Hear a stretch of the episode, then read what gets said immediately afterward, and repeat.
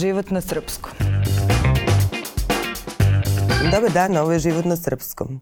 Ja sam Ana Kalaba, a moja gošća danas je Monika Husar, direktorka agencije Komunikart. Zdravo, Monika. Zdravo. Neću odmah da najavljujem o čemu ćemo sve da pričamo. Samo za početak da te pitam pa će možda da se nagovesti. Kako je bilo zimovanje na Maldivima? Savršeno. Mislim, stvarno, stvarno savršeno. Ne bih ništa menjala. Ja nisam neko ko je uvek baš svime zadovoljan. Aha. I mogla bi često da vam kažem, mogli smo ovo bolje ili ne znam, nisam ovo najbolje isplanirala ili nije bilo kako sam očekivala, ali ovo je bukvalno prevazišlo moje očekivanja. Tako da bilo je sjajno. Provela sam tamo 21 dan. Da, i od kad si došla pričaš, pišeš o tome, u stvari ljudima, ljude zaintrigiralo što ti nisi, ne znam, uplatila neki preskupi aranžman i otišla da uživaš na plaži u istoj pozi, ono, celo, celo, mesec dana. Da. Nego Malo kako? drugačije. Da. Malo drugačije. Pa ja se baš sad šalim sa, sa, sa ukućanima kako sam postala influencerka za Maldive ili ekspertkinja za Maldive, pošto stvarno od kad sam došla, zapravo to je već počelo dok sam bila tamo, pisala sam dnevnik za, za danas, za, za print izdanje, pa onda smo se i ti ja dogovorile za novu, mislim onda su usledili i drugi blice žena, na K1 sam takođe komentarisala nešto što je malo drugačija mm. tema, ali ima veze sa Maldivima i evo me sad i ovde, baš se osjećam onako o pozvanom. Da kao jedina osoba koja je otišla na Maldive iz Srbije. To to, ali kao da sam bila na Marsu. Mislim, stvarno imam utisak da sam otišla na Mars, da, da kao baš ne bi bilo toliko interesovanje medija. I pisala sam, zapravo to će biti takođe objavljeno, jedan putopis za Graciju, nešto drugačije, mm. jer kao ja stvarno volim te glosi uh, magazine i volim i ženske strane na web portalima, u medijima, pratim privatno iz više razloga i zadovoljno između ostalog. I onda nekako, nekako mi je baš drago što zapravo zapravo sam imala priliku da o tome pišem. A čini mi se da je to bitno i ljudima, posebno ženama, pošto su one često zadužene za planiranje putovanja, ove, da saznaju i koje su opcije. Mislim, s obzirom da sam ja putovala dosta povoljno, jeftino, opet kažem, nije, nije mnogo jeftino, dakle potrebna su neka sredstva, ali pričamo o odnosu e, novca koji biste dali za sedam dana e, u nekom rezortu na Maldivima, samo noćenje sa doručkom. Ja sam pokrila troškove boravka od 21 dan. I u kojoj, kako si ti organizovala celu tu priču? Pa ja, ja već neko vreme pratim baš dosta po društvenim mrežama, dosta, dosta ovaj, profila koji se bave samostalnom organizacijom putovanja. Ima i na našem jeziku, ima iz regiona, ima i inostranih i nekako uvek upoređujem informacije. I sad naravno, od kad su krenuli low cost eh, letovi, eh, imamo, imamo dosta kompanija u Srbiji koje sad tu posluju, eh, te su se opcije maksimalno proširile i stvarno ranije sam gledala i kao čoveče, Srbije nema ništa, mislim, kao uvek moraš da koristiš ono redovne linije i to su u startu karte od 250 pa više evra. Ako pričamo o nekim dalekim destinacijama, pričamo o 1200 evra često. Da. Ove, ali sad, sad se to dosta promenilo i sad ima i smisla zapravo uputiti se uopšte u tu situaciju sa planiranjem i istraživanjem ove, opcija za samostalno letovanje. I ja sam od uvek maštala da, da zimi negde odem gde je toplo to su u startu onda turističke destinacije koje su skupe i koje su daleke. I evo poslednje dve godine, prošle godine Zanzibar i ove godine Maldivi, to je sve bilo samostalno organizovano i videla sam da postoje low cost letovi za Maldive. Jeste malo cimanja više nego kao kad idete preko turističke agencije ili kada platite full price, ono full, mm -hmm. full cenu. Ali recimo prošle godine sam išla preko regularnog eh, leta avio ovih ne low cost regularnih aviokompanija i na, i na aerodromu smo imali čekanje od 5 i po sati. Ovde je bilo preko low cost kompanije i na aerodromu je bilo čekanje 10 sati, ali kao 10 i po i, i to nije velika razlika. Mislim, svakako se čeka, sad ako se zakupite ili ako je to u toku noći, uh, kao što je nama bilo u Abu Dhabiju, mi smo tkunjali, jer nije bilo mogućnosti da vidimo Abu Dhabi. Imali smo dovoljno vremena, ali sleteli smo u jedan sat noću i onda zaista nismo imali nikakvu opciju da obilazimo grad da, da, da. u to vreme. Tako da smo, tako da smo tamo malo i odspavali. Mislim, može se sve, nije, nije sve. Ko, ko je spreman na takvu vrstu, da. A, isto je i za smeštaj. Mislim, smeštaj se danas nalazi na dva klika. Postoji desetak sajtova koji se bave smeštajnim kapacitetima na celom svetu. Ja sam, ja sam preko Agore našla na Maldivima, pošto je nešto povoljnije bilo u odnosu na Booking. Cene su bile i opcije su bile bolje za taj deo sveta. Uh, ove, prosto smo se čuli sa ljudima koji to drže i onda sam krenula naravno i u raspitivanje kakve su ocene tog smeštaja, koje su komentare ostavljali ljudi, e, kako je to ostravo, pošto Maldivi, eh, Maldivi su, nije, nije jedna celovita država poput Srbije, već su razuđeni, imaju hiljadu i nešto ostrava, od toga ima mnogo tih mikroostrava koje su privatna i gde se nalaze ovi mm -hmm. eh, fancy ekskluzivni rezortovi, ali ima i mislim više od polovine ili ne znam koliko sad da ne bih, ne bih nisam obaveštena pa neću da da pričam na pamet, ali ima dosta ostrava na kojima živi lokalno domicilno stanovništvo i njima je dozvoljeno od 2008. da se bave turizmom. Ranije su ta ostrava bila zatvorena za mm. javnost, tako da niste ni mogli da, da ih posetite. Ali pošto se, što su se Maldivi otvorili kao demokratska republika prema svetu, uh, turizam se tamo normalno odvija, s tim što to nije ta vrsta luksuznog uh, turizma, nego je to jedan kao da odete, ne znam, u Hrvatsku, Grčku, u tom smislu viđate se na ulici sa ljudima i meni je to bilo prijatnije i to je zapravo ono što ja očekujem od svojih putovanja. U Africi sam isto u Zanzibaru odabrala jedno selo koje je potpuno neturističko. U celom selu ima, postoje dva ili tri rezorta, mala, Mislim, slatko je sve to na obali, skockano ima i bazen i opet, mislim, kao to lepo, lepo stvarno izgleda i lepo upakovano, ali tu, tu ljudi žive. Mislim, prosto pored vas i to su neke afričke kućice i ovo su neke maldivske kućice i oni imaju neki centar grada, to je ostrva i mislim, vi ste u svakodnevnoj komunikaciji sa tim ljudima i osim što uživate zaista u divnom moru, imate na raspolaganju gomilu nekih ekskurzija, možete obilaziti mm. i rezortove, i pusta ostrva, i peščane sprudove, i ići na extreme fishing ture, ronilačke ture, snorkel ture, plivanje sa raznim ražama, kitajkulama, ajkulama, noćno ronjenje i snorkal, to sam takođe probala i bila sam ono, užasnuta, a potom oduševljena. Znači imate milion nekih opcija, a kažem opet možete da steknete i uvid u nečiju kulturu, svakodnevnicu, što je meni dosta važno. I postoji dosta komentara koji kažu kao pa da, ali to kao nisu Maldivi. Maldivi su, Maldivi sa uh, fotografija turističkih agencija gde se vidi ono Tirkizno more na svakoj fotografiji, kao gde si smešten u nekom luksuznom rezortu, gde te služe 24 sata, gde, gde su sve fotke, Instagram fotke, gde, gde je koktel 20 dolara, jer toliko zaista i košta u rezortu, ili sandvič 25 i tako dalje. I kao to, to, je, to su Maldivi. Kao ovo nisu Maldivi, ovo može i u Crnoj Gori. Pa, okej, okay, mislim, ali to stvarno nije tačno. Mislim, Maldive koje sam ja doživjela, to je kombinacija oba. Zato što sam bila i na tirkiznim plažama i one su vam dostupne za mnogo manje para i sa ono 15 minuta ili 10 minuta brzim brodićem za, za desetak ovaj, dolara i možete da pro, provedete ili tri desetak dolara i možete provedete na njima ceo dan, a imate i lepu, da kažem, gradsku ili javnu ili bikini plažu koja takođe ima jedan deo koji je Tirkezno more. Mm -hmm Ove, ali izgleda malo drugačije na fotkama jer zaista može i da se pliva. Kad god vidite ono kao baš izrazito plavo, tirkezno more, to je jako plitka voda. Mislim, to je, to je uglavnom voda do kolena. Mm. I tu ne možete da plivate i vi morate da izađete van korala ili van plićaka da biste plivali i isto tako izgleda i u rezortovima, tu gde je plitka voda, tu vam je tu vam je prosto to zeleno, terkezno, plavo, ali ako hoćete da se kupate, zaista zaplivate, vi morate da izađete isto u ono tamno plavo more, mislim. Mm. Ali dobro, da, lepo je za slikanje.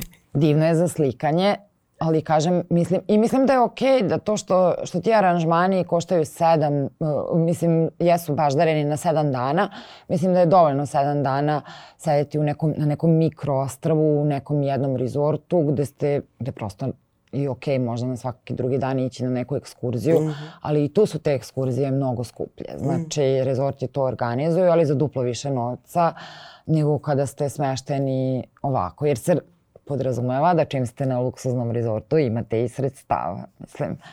Tako da, Ove, ovaj, mislim, meni nije bilo dosadno jer sam bila jako umorna i kao meni se sezona poslova završava negde sredinom decembra i onda sam stvarno onako u burnoutu i potrebno mi je neko vreme. U januaru nemam posla, pošto kultura u januaru mm -hmm. spava malo, to jest priprema se za početak sezone i onda kao u januaru imam vremena da negde odmorim, a ne volim sneg, ne skijam, ne, mislim, kopcija mi da sedim u nekom hotelu pored kavina i pijem toplo vino. Ili kao da radim ono što volim, a to je da prosto plivam i to, ali kažem, eto, opcije su do, da onda odem negde daleko. I tek zadnje dve godine to sebi mogu da priuštim. Ranije sam samo maštala o tome i kao otiću jedno. Ali dobro, i ti si spremna da se da organizuješ to tako putovanje i spremna si i da uh, yes. da prihvatiš uslove koji idu uz to. Uh, sad uh, znam ljude koji ono, mislim i ja ono gledam tvoje slike pa ti zavidim, ali ja na sličan način putujem. Ali ima ljudi koji će reći ja vidim oni kao ono kao le, zimuju na Maldivima, pa ne znam, e, ide po kulturnim događanjima, samo uživo u kulturi, pa ne znam, fancy odeća, dizajnerska i to. A u stvari, zato sam te prvenstveno zvala, da, da nas naučiš e, stilu življenja, ono... Jo, pa hvala ti, baš zvuči kao stvarno... Stvarno ne, da je nešto ali... na čemu sam radila, nisam. To je nekako spontano došlo kod mene, stvarno najspontanije vezano za, za, za za to neko uživanje. Mislim, mogu, mogu slobodno da kažem da, da su ove moje 40. pošto sam ja ušla pre par godina u 40.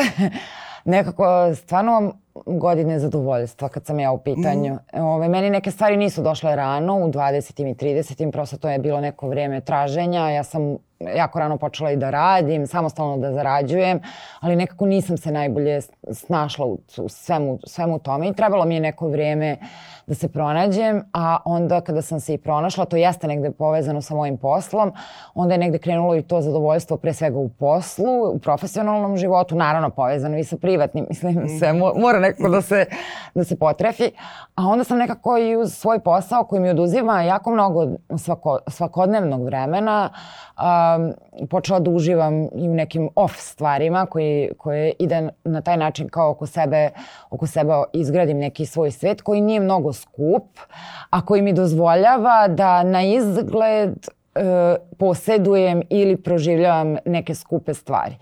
I zato mi je super uh, što, baš sam, baš sam o tome uh, uh, razmišljala kad sam dolazila kod tebe i podcast, kao forma, ali i web portali sa svojim lifestyle rubrikama, pošto imaju puno mesta, mnogo više nego print, nekako su možda ne u prvi plan, ali u dosta vidljiv plan uh, doveli obične ljude, obične žene, uh, nisu to više samo poznati uh, i njihovi životi i to na koji način oni žive, već to kao neko je bio na Maldivima, pa ajmo sada pričamo i, super je što drugi mogu da čuju da može da se ode za neki manji novac i druga, ili duže, drugačije, na neke destinacije. Ali opet i vezano za, za, za život, mislim, sad, sad, su, sad su vrlo važne teme i second hand, održiva moda, sve više običnih žena priča i na društvenim mrežama i na na, na web portalima o tome i to mi je super zato što ne moraš više da budeš neka poznata glumica, pevačica i nešto da bi, da bi pričao o nekom svom mm -hmm. vanrednom iskustvu, nego možeš da budeš jedna obična žena koja ima nešto nešto što je zanimljivo, što može da prenese. Ja sam, ja sam čitajući, između ostalog, e, našla veliki broj ovaj, žena sa kojima se odlično razumem, između ostalog i sa tobom, pošto ti živiš sličan lifestyle. Mm. Ovaj, ta, tako da je to jedna lepa zajednica koja međusobno razmenjuje iskustva i ja pratim i isto tako dobijam milion nekih ideja, mislim. Da, i to su te neke, neko razbijanje predrasude. Mislim, ja znam ono svoje vremeno kad sam ja sebi organizovala jedno tako daleko putovanje. U Indiju. Između ostalog. Toga se sećam. Pa da, ali svi da su bili kao, ja, otkud to je isto bilo skoro mesec dana. Ali nije svako spreman da spava u vozu indijskom. Nije Tako svako je. spreman da svuda ide sa vrećom za spavanje. Tako da e, e, volim što E, volim da podelim s ljudima, eto, može tako. Is. To ti je opcija ako ćeš za male pare. Ti možeš da ideš u fancy hotel, ali onda dobar deo prave Indije nećeš videti. Tako da sve su ti neki prioriteti u stvari. Jest. A to vezano za markiranu garderobu, Ove, to je moja velika ljubav prema, prema polovnoj garderobi, to je prema second handu, to je prema buvljaku. Mislim, i to je evoluiralo. E, a to je vremenom. jedna od važnih predrasuda koje si ti razbila, jer ti svake nedelje deliš tih ne, te neke dizajnerske komade i svi su kao ljubomorni, mislim ja se ne razumem baš mnogo, ali ovaj, vidim da ljudi reaguju na ta imena, a ti ono kao, kupila sam na buvljaku za 200 dinara. Bukvalno. Ja, ja od malena pratim modu zato što moja mama i moja tetka su radile, moja tetka koja je meni bila jako važna u životu i bliska, to je rođena sestra moje mame, ali nije imala svoje dece i mene je mhm. čuvala kao devojčicu. Radile su u Beku. Moja mama je radila kao službenica, e, tetka je radila u proizvodnji. Ali, mislim, ja sam kao dete odlazila u Beko, Beko je u ono vreme ja sam rođena 70-ih, krajem 70-ih, 79.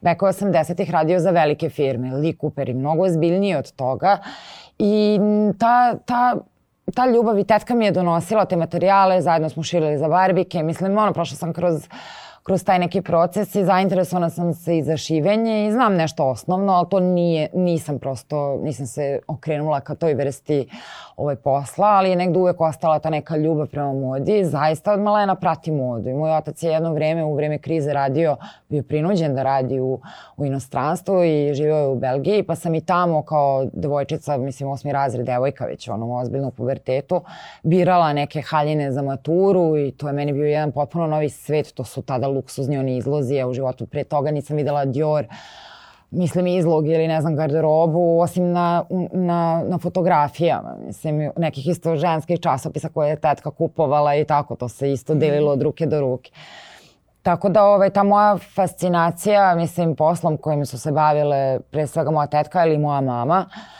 ovaj, je, je negde formirala i to moje interesovanje da ja pratim i modne trendove i sve to, ali meni je to uvek bilo nedostupno finansijski, jer, kažem, moj pubertet je ono, počeo, da kažem, te neke završetak osnovne škole 94. godine i kao ja sam srednju školu provela u ono sankcijama i tad nije bilo grejanja u školama i svi smo sedeli u perenim jaknama, bilo potpuno nebitno šta si obukao, mislim.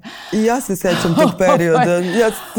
Bukvalno i kao kad sam krenula na faks, moja prva godina na faksu 99. bombardovanje, mislim ono, skroz, skroz je to jedna generacijska priča i kogod je to proživao zna kako smo se dovijali. Mi smo sa najboljom drugaricom, sadašnjom kumom, koja sada živi u Kanadi, razmenjivale smo garderobu i super je što smo bili sličnih ovaj, gabarita pa smo mogli to i da radimo i često pozemljivala sam košulje od mog oca, furala sam onda i taj neki kao casual uh, sadašnji hipster, kao pretečak hip, hipstera sa muškim košuljama, kravatama, mislim kao kombinovala sam i već sam tad sebe tražila i naravno mislim, mislim da tek poslednjih godina mogu da kažem da sam, da sam izgradila i neki svoj ukus, A buvljak, eh, ja živim u Pančevu i to je prednost života u Pančevu između ostalog. Blizina Beograda, opet odvojenost od velikog grada, ali prednost je veliki buvljak. Mi nedeljom ujutru imamo jedan od najvećih buvljaka u Srbiji gde se skuplja roba sa svih ono, strana evropskih pre svega. Ima mnogo robe iz Italije iz Austrije, ima mnogo robe iz Mađarske okolo. Mislim, i nove robe i polovne robe i nenošene nove i nenošene polovne. Ljudi kupe negde nešto u Austriji ili u Italiji i prosto nikad ne obuku, ostave sa cenom ili im je malo ili veliko ili se predomisle kako to već biva i ta roba stiže, stiže na pančavački buvljak. I... Ali nije to samo odeća, ti donosiš nije, i onako dobre umetničke komade, pa knjige. Jeste, da, ja sam nađeš... tako i počela na buljak da odlazim. Zapravo prvi put sam otešla, taj buljak postoji godinama, decenijama. Ja se sećam još dok sam bila dete, ja sam sa roditeljima živjela u Kovinu, to je još jedno manje mesto od Pančeva na 30 km od Pančeva i moj otac je na taj buvljak dolazio prevashodno da kupi neke delove za auto ili tako nešto, jer ima i toga kao nešto bubanj potok, ali u Pančevu, mislim. Ali vremenom se taj buljak proširio i na druge asortimane. i ja sam se doselila u Pančevo 2004. i tada sam počela da odlazim na buljak. Moj tadašnji partner je odlazio, kupovao neke knjige isto vezano za, uh, vezano za auto, neke delove I tamo sam otišla, kad sam otišla prvi put ja sam bila šokirana. Meni je sve izgledalo kao đubre. Mislim, ona je iskrenije.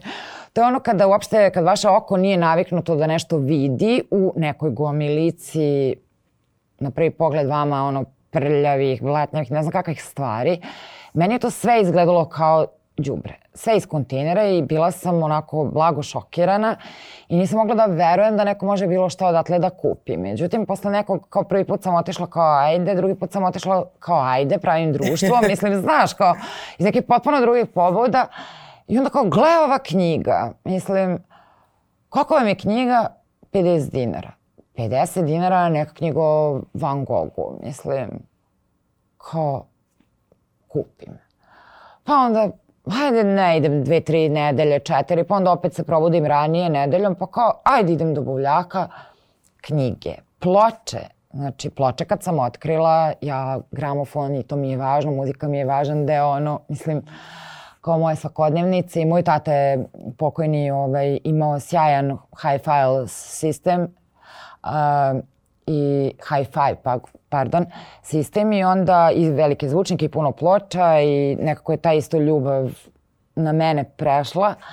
Ovaj, I onda kao, ja, kao ova ploča Dorsa, pa ne znam, ova ploča Boba Dilana, pa ova ploča ne znam, Davida Silvijana, pa sad ono kao i neke ploče koje ja već volim, mislim nešto što se teško nalazi, isto tako za bud zašto tu isto variraju cene. Mislim, ima sjajnih uh, ljudi koji znaju i pro, prodaju samo to i dođu samo sa pločama i onda je to hiljadu dinara, to su... Mm -hmm. To su ovaj, uh, očuvane ploče i tako dalje. Nema, to je to. A ima i ljudi koji donesu, recimo, iz Austrije, neko, se, neko proda kuću i sve iz kuće novi vlasnik izbaci na ulicu, nameštaj, garderobu i uh, pokućstvo i onda za 100-200 dinara imate ozbiljne ploče, posebno klasične muzike. Austrijanci obožavaju klasičnu muziku, to sam provalila. Mislim, tačno znamo dakle je roba. Kad vidim kao vidim već namešte, vidim pokućstvo, jer možeš i da prepoznaš stil e, keramike koju oni vole ili ne znam, tanjira koje koriste, čajnika i tako dalje. I isto tako prepoznajem naše eksiju. I ja jako volim eksiju estetiku. Uh, ovaj, volim taj mid-century modern i u američkom i u ruskom ovaj, opremanju kuće i modi. I onda to se isto i kod nas prenelo i mi imamo i 70-ih i 60-ih i te dezene koji su vezani za i uopšte krojeve koji su, koji su proizvodile naše eksiju poznate fabrike.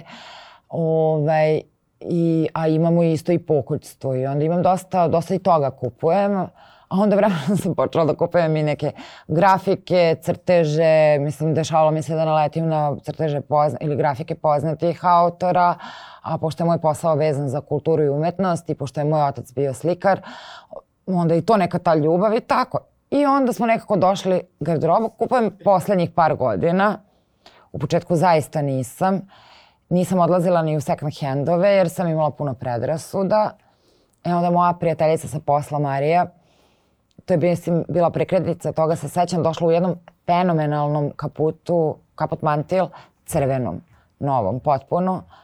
Ja sam bila u fazonu, čoveče, što je ovo dobro, gde si kupila? I ona mi je rekla u second handu, potpuno novo. I ja kao, okej. Okay.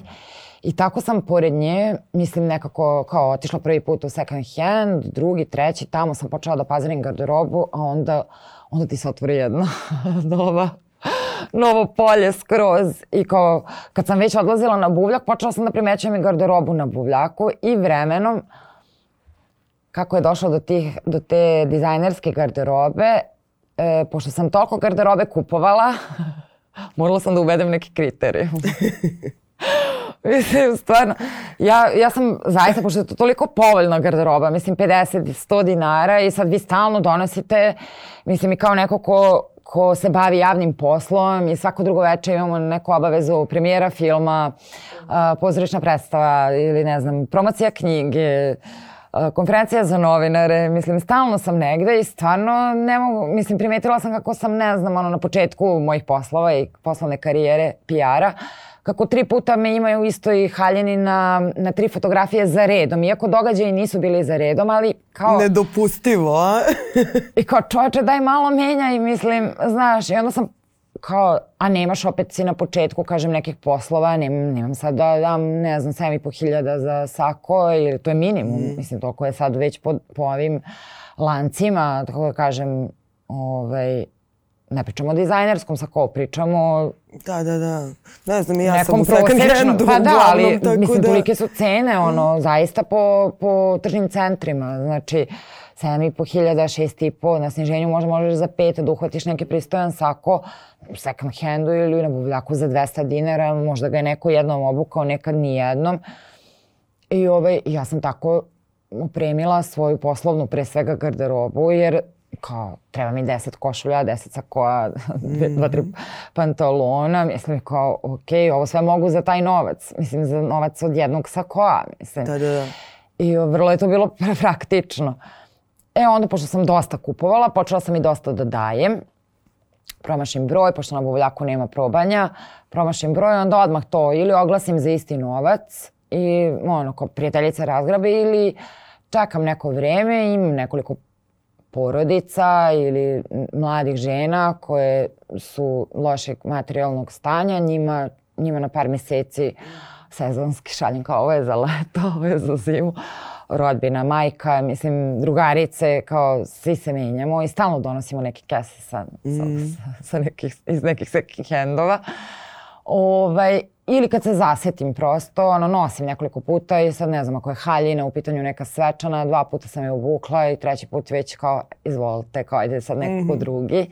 Ali volim da to i dalje ima taj vek trajanja jer mi je važno da budemo ekološki svesni tu gde možemo i da se ne ponašamo baš kao neki najgori ono nesvesni potrošači jer nemamo ni para, a nemamo ni ne, mislim kako kažem, malo je odzvonilo pa moram, po meni treba biti, treba zaista biti svestan situacije u kojoj živimo, mislim, kao stvarno moda je jedan od najvećih zagađivača. I ovaj, i, i onda, i onda eto, to je, to je tako, morala sam nekako, pošto sam mnogo garderobe kupovala, posebno na buvljacima, na buvljaku, onda sam morala napravim neki kriterijum kao, ok, ne možeš više kupuješ kao stoti crni sako ili ne samo zato što ima nešto onda sam počela da tražim nešto što je autentično, u smislu neki vrlo kvalitetan komed iz 80-ih koju je radila Mirjana Marić ili neka mm -hmm. uh, to Beko ili Itek, Satek, Strudbenik, mislim ne znam ka, kojih sve uh, firmi ima, raznih je bilo, fabrika. Uh, i da je to nešto neponovljivo i kažem opet za naše prostore autentično jer volim tu estetiku i umem to da iznesem. Nije za svaki dan, ali ili da je to neka, neka to kao visoka moda u smislu Dior, Jean Paul Gaultier ili ili da je nešto što ne mora da zadovoljava ni jedan od ta dva kriterijuma, ali da mi zaista treba. Mislim, jer dešava se da mi treba crna košulja bez ikakvih ukrasa i kao svoju sam neku iznosila i sad kao treba mi da, neka da, da. sveža. I onda kao to imam u glavi. Naravno ne možete da naručite ništa na buvljaku jer može se desiti da ne nađete crne pantalone u vašem broju tri godine. Ali može da naleti četiri crnih pantalona za jedan dan. Tako da, ovaj, tako da, eto, ta, na taj način prosto A imaš još neka pravila kad ideš na buvljak? Imam, Mislim, ne idem... samo za odeću, nego da. uopšte ono... Pa imam, imam neki budžet ovaj, nedeljni. Jel da? Mislim, pa ono, mo, moraš da postaviš, jer stvarno to hoće da one... Ja sam da znala one... koliko god ponesem, ja toliko potrošim. Mislim, Naravno. jeste 20 dinara, jeste 50, a kad je 50, onda ćeš da uzmeš i kad ti... Naravno, i zato ne nosim sa sobom, mislim, ne prigledam broj mhm. novčanica, nego se ograničim kao, ok, svake nedelje, ne znam, imam budžet toliki i toliki, kao u okviru toga se uklapam i sad ok, nekad se zeznem, pa se dešava da mi fali para, naletelo nešto što je strava. Jednom sam tako otišla, sela sam u auto i odvezla se kao do bankomata i rekla sam momku kao molim te sačuvaj mi kao, mislim ovo je sad ili nikad neko ono ludilo dizajnerska svečana haljina koju još uvek nisam nigde obukla. Čekam tu priliku, kao se se nadam da će ne znam, neki film koji radim da, da, bude, da bude premjerno prikazan na, u kanu, recimo, pa da ja odem sa... Ta vrsta svečane haljine, Ta vrsta, znači. baš svečana, Aha. mislim, ono, ludilo svečana i mali dizajneri u pitanju odavde, domaći, mislim, kao, ali stvarno je sa nekim, ono, tilom i golim leđima i ono, stvarno moraš da imaš priliku za to, bar ja, mislim, ne bi se šećkala ovde po, po našim crvenim tepisima. Ove. Pa dobro, ali ti im, i imaš prilika. E, treći moment tvog savršenog života su i ono e, druženje sa umetnicima, kulturna dešavanja, crveni tepisi, ja? Pa jes, da, samo što sam ja uglavnom, mislim ja crvenim tepihom prošetam pre događaja i posle. dakle, ne šetam ja i nije crveni tepih namenjen meni, niti mom stvaralaštvu, što je apsolutno u redu. Ovaj, već, već, je to, već je namenjen mojim, da kažem, klijentima, a, ovaj, filmskim produkcijama, festivalima, filmskim na kojima radim komunikacije za medije uh, ili, ili da kažem mojim poznanicima, pošto se tu sad već često događa da ima i takvih kampanja gde nekoga znate pa nešto, nešto i prijateljske radite ili sa željom da budete u budućnosti angažovani, mislim, ali u suštini um, da, ja, ja je, moj posao uh, PR menadžerke, ali kažem pre svega specijalizovane za odnose s medijima, jeste nešto gde sam se pronašla i to je nešto što što je nakon dosta lutanja, ovaj, mislim dosta lutanja, par godina lutanja ovaj, u, u, u vo, po, vodama žurnalistike i novinarstva koje se meni ispostavilo kao...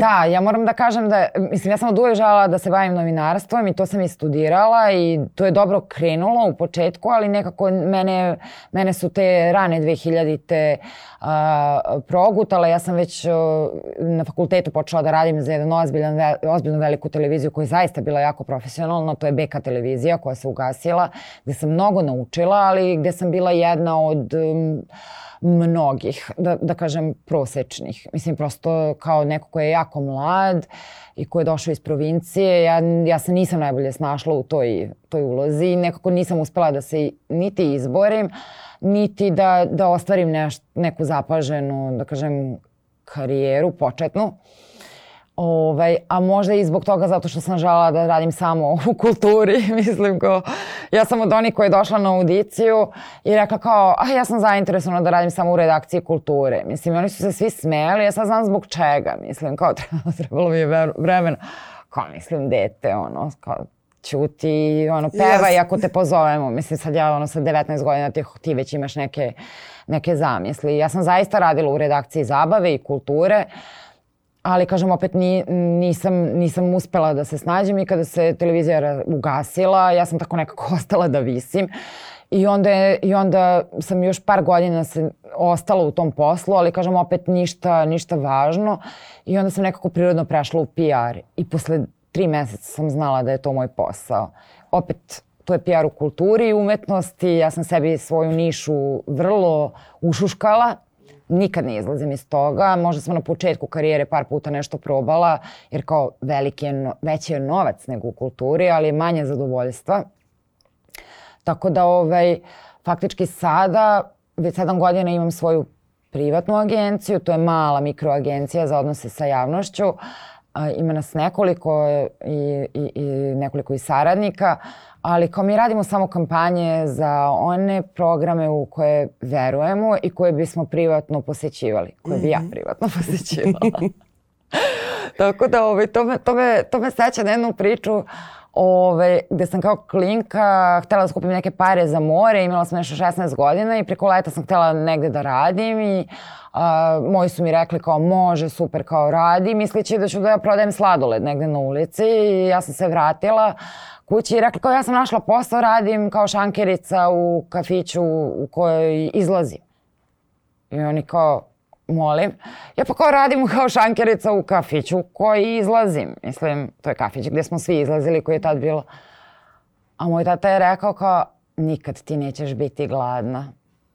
Jer kao ja sam spojila lepo i korisno. Ja tu već izlazim i kao ja ostavljam neki novac tu svake večeri i kao sad radim za šankom gde kao imam i bakšiš, a opet sam tu sa mojim društvom i to je mali kafić, svi se okupe oko tog šanka i ti non stop pričaš, ti si izašao u grad, da, da. a radiš i zaradiš, plus imaš bakšiš jer te svi znaju.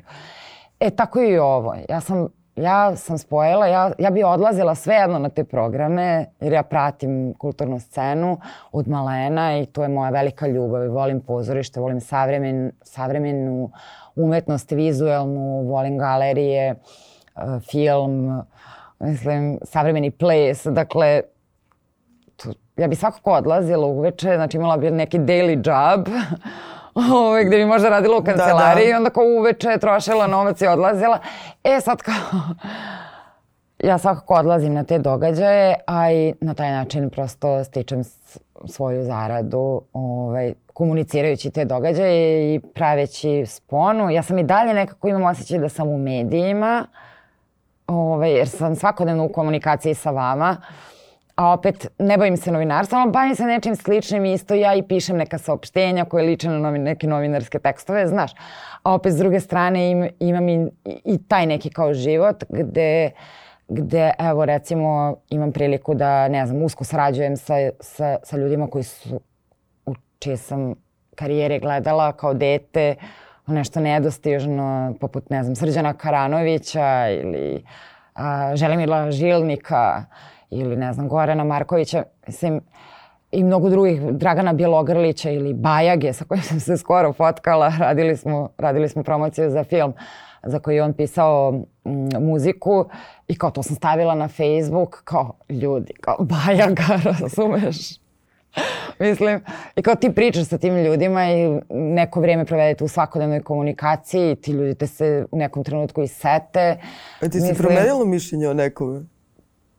Pa nije. Mislim, ok, kao mi svi kao idealizujemo te neke ljude kad smo deca, mislim, ali kao čim uđeš u neke zrele godine ti razumeš, mislim, naravno ti razumeš da su ti ljudi isti kao i ti u smislu oni imaju neki svoj unutrašnji život, oni imaju neke, neka razmišljanja, oni nešto vole ili ne vole i u krajnjem slučaju oni su umorni, nisu uvek ni raspoloženi, mislim. I, i nekako ja nisam upoznala nikoga vanredno neljubaznog. Mislim, naravno neki ljudi vole e, više komunikativni su otvoreni, vole više da sarađuju sa medijima, pa je moj posao i lakši. Neki ljudi su zatvoreni, lošije možda komuniciraju ili imaju potrebu, oni se izražavaju kroz neke druge, da kažem, mislim, kroz neka druga sredstva, ako su vizuelni umetnici kroz, kroz sliku ili grafiku ili znaš, nisu uvek mm. ono rečiti. Uh, kao ne prije ta vrsta medijske pažnje. Ja to isto razumem, ali uvek se nekako nađemo. Ni sa kim nisam imala neki, zaista posle evo, od 2008, 2008. godine sam u PR-u. Ovaj, od uh, zadnjih šest i po godina, sedam imam svoju agenciju. Dakle, za sve ovo vreme zaista ne mogu da se setim nikoga ko mi je bio do te mere neprijatan za saradnju Ali možda i ja imam, kažem, kao neko ko je da, sad da, već da. u nekim ove, ovaj, zrelim godinama, imam razumevanja i za to. A mislim, mogu zamislim kako je Bajagi, mislim, zovu ga sto puta dnevno, ako svi ga znaju, na ulici, on čovjek, ono ne može da sedne u taksi i da ćuti, nema šanse i moraš da budeš ljubazan, zato što danas Ako si neljubazan, to je odmah negde objavljeno na društvenim mrežama. Mislim, to je veliki pritisak za te ljude i verujem da im nije uvek lako, a i pored toga oni, su, oni nađu vremena za, za sve nas. Mislim, ja se divim tim ljudima, zaista.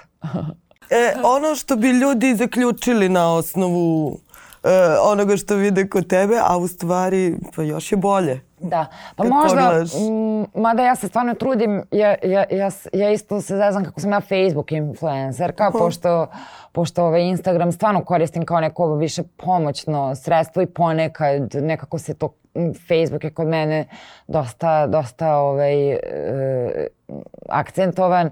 U komunikaciji sa, sa mojom nekom bliskom, ovaj, bliskim ljudima i, i vremenom se naravno i taj profil napunio, da kažem, ono kao i saradnika i kolega i novinara i zato, zato možda neke stvari budu vidljivije i u medijima jer, jer se mi nekako, mi smo, mi smo neka zajednica koja se drži poslovno, privatno zajedno, pa onda vi vidite na mom Facebook profilu nešto i kao znate, ali ja se stvarno trudim da uvek demistifikujem to, jer, jer prvo um, ja sam ja sam rođena, odrastala sam u vrlo skromnoj porodici, skromnih primanja, u vrlo nezgodnoj situaciji. Ja i dan danas živim skromno, mislim kao mene raduju raduju to što sad mogu da kupim više knjiga kao mesečno. Znaš, ono, ko ranije se mogu jednu knjigu, ali sad kao sad imam svoj mali biznis, pa kao lepo on radi i solidno zarađuje i to je, da kažem, jedan onako, mislim, dostojanstven život u Srbiji, ali kao ja, ja vidim šta kao ja imam samo više knjiga i možda imam malo više putovanja. Mislim, kao nije se moj sad kvalitet života u tom smislu promenio i mnogo mi je važno isto da, da, da ljudi znaju da za, za, nek, za neki mali trud, mislim, okej, ili malo veći trud, jer bilo je godina kad sam zaista ono ustajala, radila, legala, ustajala, radila, legala i to je bilo prvih par godina moje agencije kad je ona bila otvorena i jako sam malo imala vremena za sebe i za svoje privatne to. Ove, ali nekako se to isplatilo, ali opet, kažem, to je, to je jedan stvarno običan život. Da, ali poenta je da je moguće ako ne robuješ tim nekim predrasudama, predrasudama ili... ili ne patiš mm. od nečega to zašto je nešto sa buvljaka. Ili, yes. Mislim, kao nikad mi nije palo na pamet da prećutim, mislim, kao pitaju me, mislim, tako i krenulo, ja pitaju me ljudi gde si ovo, mislim, još to je strava, kao gde si kupila tu torbu.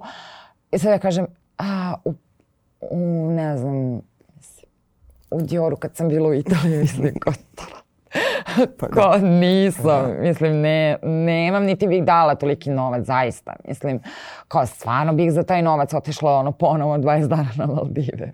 Umesto da kupim jednu torbu za 1000 i po evra ili 2000 evra. Mislim, čak i da imam taj novac, mislim, mislim, mislim da se ne bi odlučila da ga dam na taj način. Mislim, za Jel to. Da? Ne, da. ne. Mislim, stvarno ne znam koliko novca moram da imam, znači moram, morala bi da imam stotine hiljada mesečno da bi se odlučila da dam dve hiljade, ali opet kao kao mislim da, mislim da čak ne bi ni tad davala, jer kao ja, ja bi sad mogla da kupim recimo povremeno nešto, ne, ne za 2000 evra, ali bi mogla da kupim nešto za 500 ili 600 evra, neke dobre cipele ili 700 evra, jer ih kao nosim četiri godine. Recimo kupiš neke crne salonke, Dolce Gabbana ili ne znam šta, koje koštaju na nekom sniženju ili nešto univerzalne, koje mm -hmm. uvek nosiš.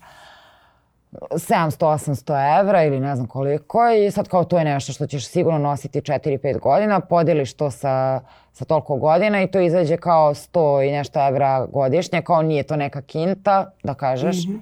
ne bih Pre bi taj novac, taj ogroman novac, zaista smislila i dala u nešto drugo. Recimo, ja, ja strašno patim što, recimo, ne mogu da, ja bih stalno organizovala neke izložbe, mislim.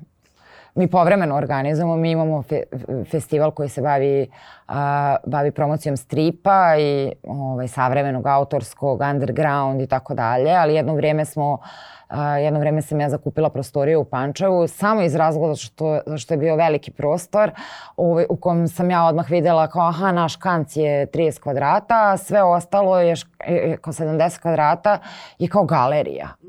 Kao neka ono underground fazon galerija jer nije ono kao neka shiny to, ali u centru je Pančevo i kao mi imamo dobru scenu, sa tom scenom niko ništa ne radi već godinama jer nije mainstream i kao ajmo kao jednom mesečno ćemo mi od naših poslova da finansiramo nečiju izložbu i stvarno nekih nekih, ne znam, šest programa, sedam smo održali i došla je korona. I mislim, pošto sam ja to sve zaista finansirala iz naših, pro, naših uh, projekata, znači mi radimo PR za neku manifestaciju i onda od tog PR-a mm -hmm. finansiramo izložbu i katalog i tako. Ovaj, to, je, to je za vreme korone, jer mislim, zaista nama se sve toliko pretumbalo, ali vi ako nemate kulturnih događaja, vi ne zarađujete ništa, jer i onda prosto super je bilo što smo, što smo mogli da svi imamo plate, što, što je firma bila likvidna tih šest meseci kad se ništa nije radilo, da smo mi svi primali plate, niko nije otišao na, na ovaj produženi i neplaćeni odmor i tako, ali ja sam se tad malo i zabrinula iskreno jer ne može ni beskonačno toliko. I onda, ovaj, i onda sam katovala te troškove, ali eto, na primjer, ja, ja bi u to ulagala, ja, imam, ja, ja i dan danas kao stalno nešto kalkulišem, ako bismo iznajmili neki prostor, znači ja i dalje nisam odustala od te ideje, O... Pa dobro, znajući tebe, desit će se, mislim, čekaj. Pa, pa ima tu još, ima ljudi koji bi voljeli, mislim, ima ljudi koji se bave ozbiljnim, ozbiljnim poslovima, koji imaju fabrike, koji imaju neke, zaista, mislim, pričamo o ozbiljnim poslovima i koji žele da ulažu u to i treba ih naći kao, meni je samo pitanje slobodnog vremena da, da se time kao, da se time pozabavim, ali već znam da bi mnoge ambasade i strani kulturni centri stali iza takvih projekata jer je uvek taj e, non-government, to jest uvek je ta inicijativa koja nije vezana za za da kažem, institucije kulture finansirane od strane države ili lokalne samouprave, nego to su neke samostalne mikro, mini inicijative, mm. one uvijek nađu, nađu neku vrstu podrške. Ali treba izgurati tih prvih godinu dana kada, kada sredstava nema i kada to, to finansirate sami. Ili, kažem, treba imati dovoljno vremena, dobijate pragove, jer ovaj, a, a, a, a nekako ja nemam. mislim, kao nekad bi da otputujem. Ovaj, mislim, jer stvarno, ono, kao, kad dođe taj ono decembar, ja sam, ja sam kao, čovječe, ne mogu da ustanem. Nekad je stvarno, stvarno sam u fazonu, treba mi 20 dana samo da čitam, da mi ne zvoni telefon, ništa da ne radim, ništa da ne promovišem. pa dobro, imala si sad na Maldivima yes. 20 dana, sad u nove pobede. ja sam vidiš kako sam nasmejana, mislim, akumulirala sam ono i toplote, svi me pitaju kao, ja, sad kad si došla, mora da ti je katastrofa, razlika 30 stepeni, tamo si se 20 dana kupalo, e pa nije. Mislim, meni je strava i ja sam tako i prošle godine jako lako pregurala ovu zimu jer sam došla iz Afrike, nakupila sam se sunca, energije, odmorila sam se, entuzijazam skočio odjednom kao daj da se sad radi, da se nešto, znaš, ako sva sam bila orna stvarno i sad sam, ono, puna sam energije i ovaj, I nekako mi je ta dva meseca koja su ostala do nekih prvih proleć, prolećnih dana jako brzo mm. prošlo. U tim nekim uspomenama kao ja što mi je bilo lepo, kako sam se fino kao Tako da sam i sad još uvijek ovaj, dosta uh, I dobro, kažem opet, dosta pričam ovaj, o Maldivima i svi me pitaju, još uvijek je taj talas kao... Aha. Svi me pitaju da im kažem, svi imaju neko dodatno pitanje i onda me nekako i to drži još uvek, ovaj, kao da sam se tek vratila, ima evo već dve nedelje. I onda sam uletela u posao, naravno. Dobro, ajde gde ćeš na letovanje pa da završavamo već mi ono. e, pa znaš šta, ja, vo, ja, vo, ja jako volim Hrvatsko primorje. Mhm. Mislim, mm. ove, i leti sam tu u Komšiluku i uglavnom idem u Hrvatsku i tu isto biram neka ostrava, pa nekad kombinujem dva, tri i tako, mislim. Mm. Ove, I tu sam letovala i u apartmanima i u hotelu, dva, tri dana u hotelu, pa onda to je bilo najluđe.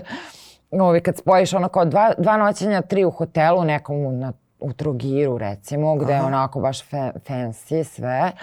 I onda kao pet dana u šatoru. Mislim, kao šta fali. I onda kao još ne znam, pet, šest dana u nekom apartmanu, na, u nekom selu, mm. znaš, na nekom ostravu Ugljanu koje nije ni poznato po turizmu, preko puta Zadra. I tako ja iskombinujem i bude od svega pomalo. Tako da će verovatno biti Hrvatska na, e sad to sve zavisi nekad na 5 dana koliko imam vremena jer i letir dosta radim ili nekad bude na 15 dana ako, ako se napravi neki prostor. A jako mi je velika želja da odem u Kambođu. Sad sam već krenula da gledam tu kao kako preko ovako onako. Mislim to je kompleksno za organizaciju dosta jer nisu lepo povezani avio letovima. Ali kao nazirem neku opciju i u Keniju. Mm. Mislim, to mi je sad kao, to su mi dve stvari koje su mi prve na listi, kao, kao to, to su prilike u rangu ovih Maldiva i tog Zanzibara, treba malo više sredstava, treba malo više cimanja, ali kao moguće i tamo proći solidno povoljno i ostati neko duže vreme. Hvala ti, Monika. Hvala tebi na pozivu, baš mi je bilo, baš mi je bilo ugodno i svašta sam ispričala.